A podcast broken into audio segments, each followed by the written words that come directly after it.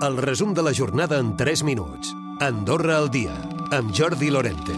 Segons FEDA, 1.720 són els pisos que no han tingut cap tipus de consum elèctric els darrers 12 mesos. Per tant, es declaren com a buits. Així ho ha manifestat la ministra d'Habitatge, Conxita Marsol. Tenim localitzats 1.000 720 pisos que en un període d'un any han tingut zero consum elèctric. Per tant, entenem que aquests pisos estan completament buits. Estem esperant, que espero que ben aviat tindrem dades de les mútues i podrem tenir de tot el país. I a partir d'aquí estem preparant una, una, una manera de a veure si podem motivar aquests propietaris a que posin també aquests pisos a lloguer. Marsol matisava, això sí, que s'han detectat alguns pisos més amb molt poc consum, que farien arribar a la xifra gairebé als 2.000. Amb tot, estima que el global de pisos buits al país rondarà hores d'ara els 2.700.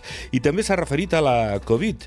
Marsol ha dit eh, que hores d'ara el coronavirus manté ingressades 4 persones a l'Hospital de Meritxell. En total hi ha 35 casos actius al país amb el virus, entre els quals 18 persones afectades pel brot detectat al centre sociosanitari del Cedre. Són 13 residents i 5 personal del propi centre. Segons el govern, el brot preocupa i es fa el seguiment, però no alarma preocupe, però no tampoc pensem que sigui una qüestió que ens hagi d'alarmar. Creiem que és dintre, com deia abans, de la normalitat de lo que està succeint al nostre entorn i per la informació que tenim cada vegada és més lleu, tot i que les noves variants poden ser una mica més contagioses. Queden al voltant de 4 mesos per a les eleccions comunals i els demòcrates ja han començat a moure fitxa a Andorra la Vella. Tenen clar que David Astrie ha de ser novament el candidat. Per ara no és tan evident que l'acompanyi Miquel Canturri de número 2, tot i que ell està disposat a repetir. Escoltem el cònsol menor d'Andorra la Vella. A principis d'agost van tindre una, una reunió de, del comitè parroquial d'Andorra la Vella, al qual eh, vam dir que el, el candidat era el David Astrier, però no hem parlat de més, de més candidats.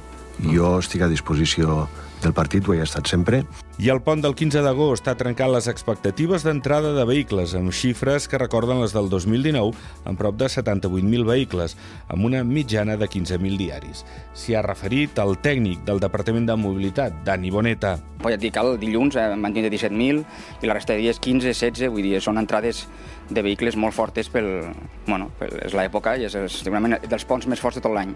Al final hem tingut una entrada de 77.900 vehicles, per tant, eh, hem superat les expectatives, ens hem ficat amb xifres del 2019, que vindria a ser l'any de referència sense comptar la pandèmia.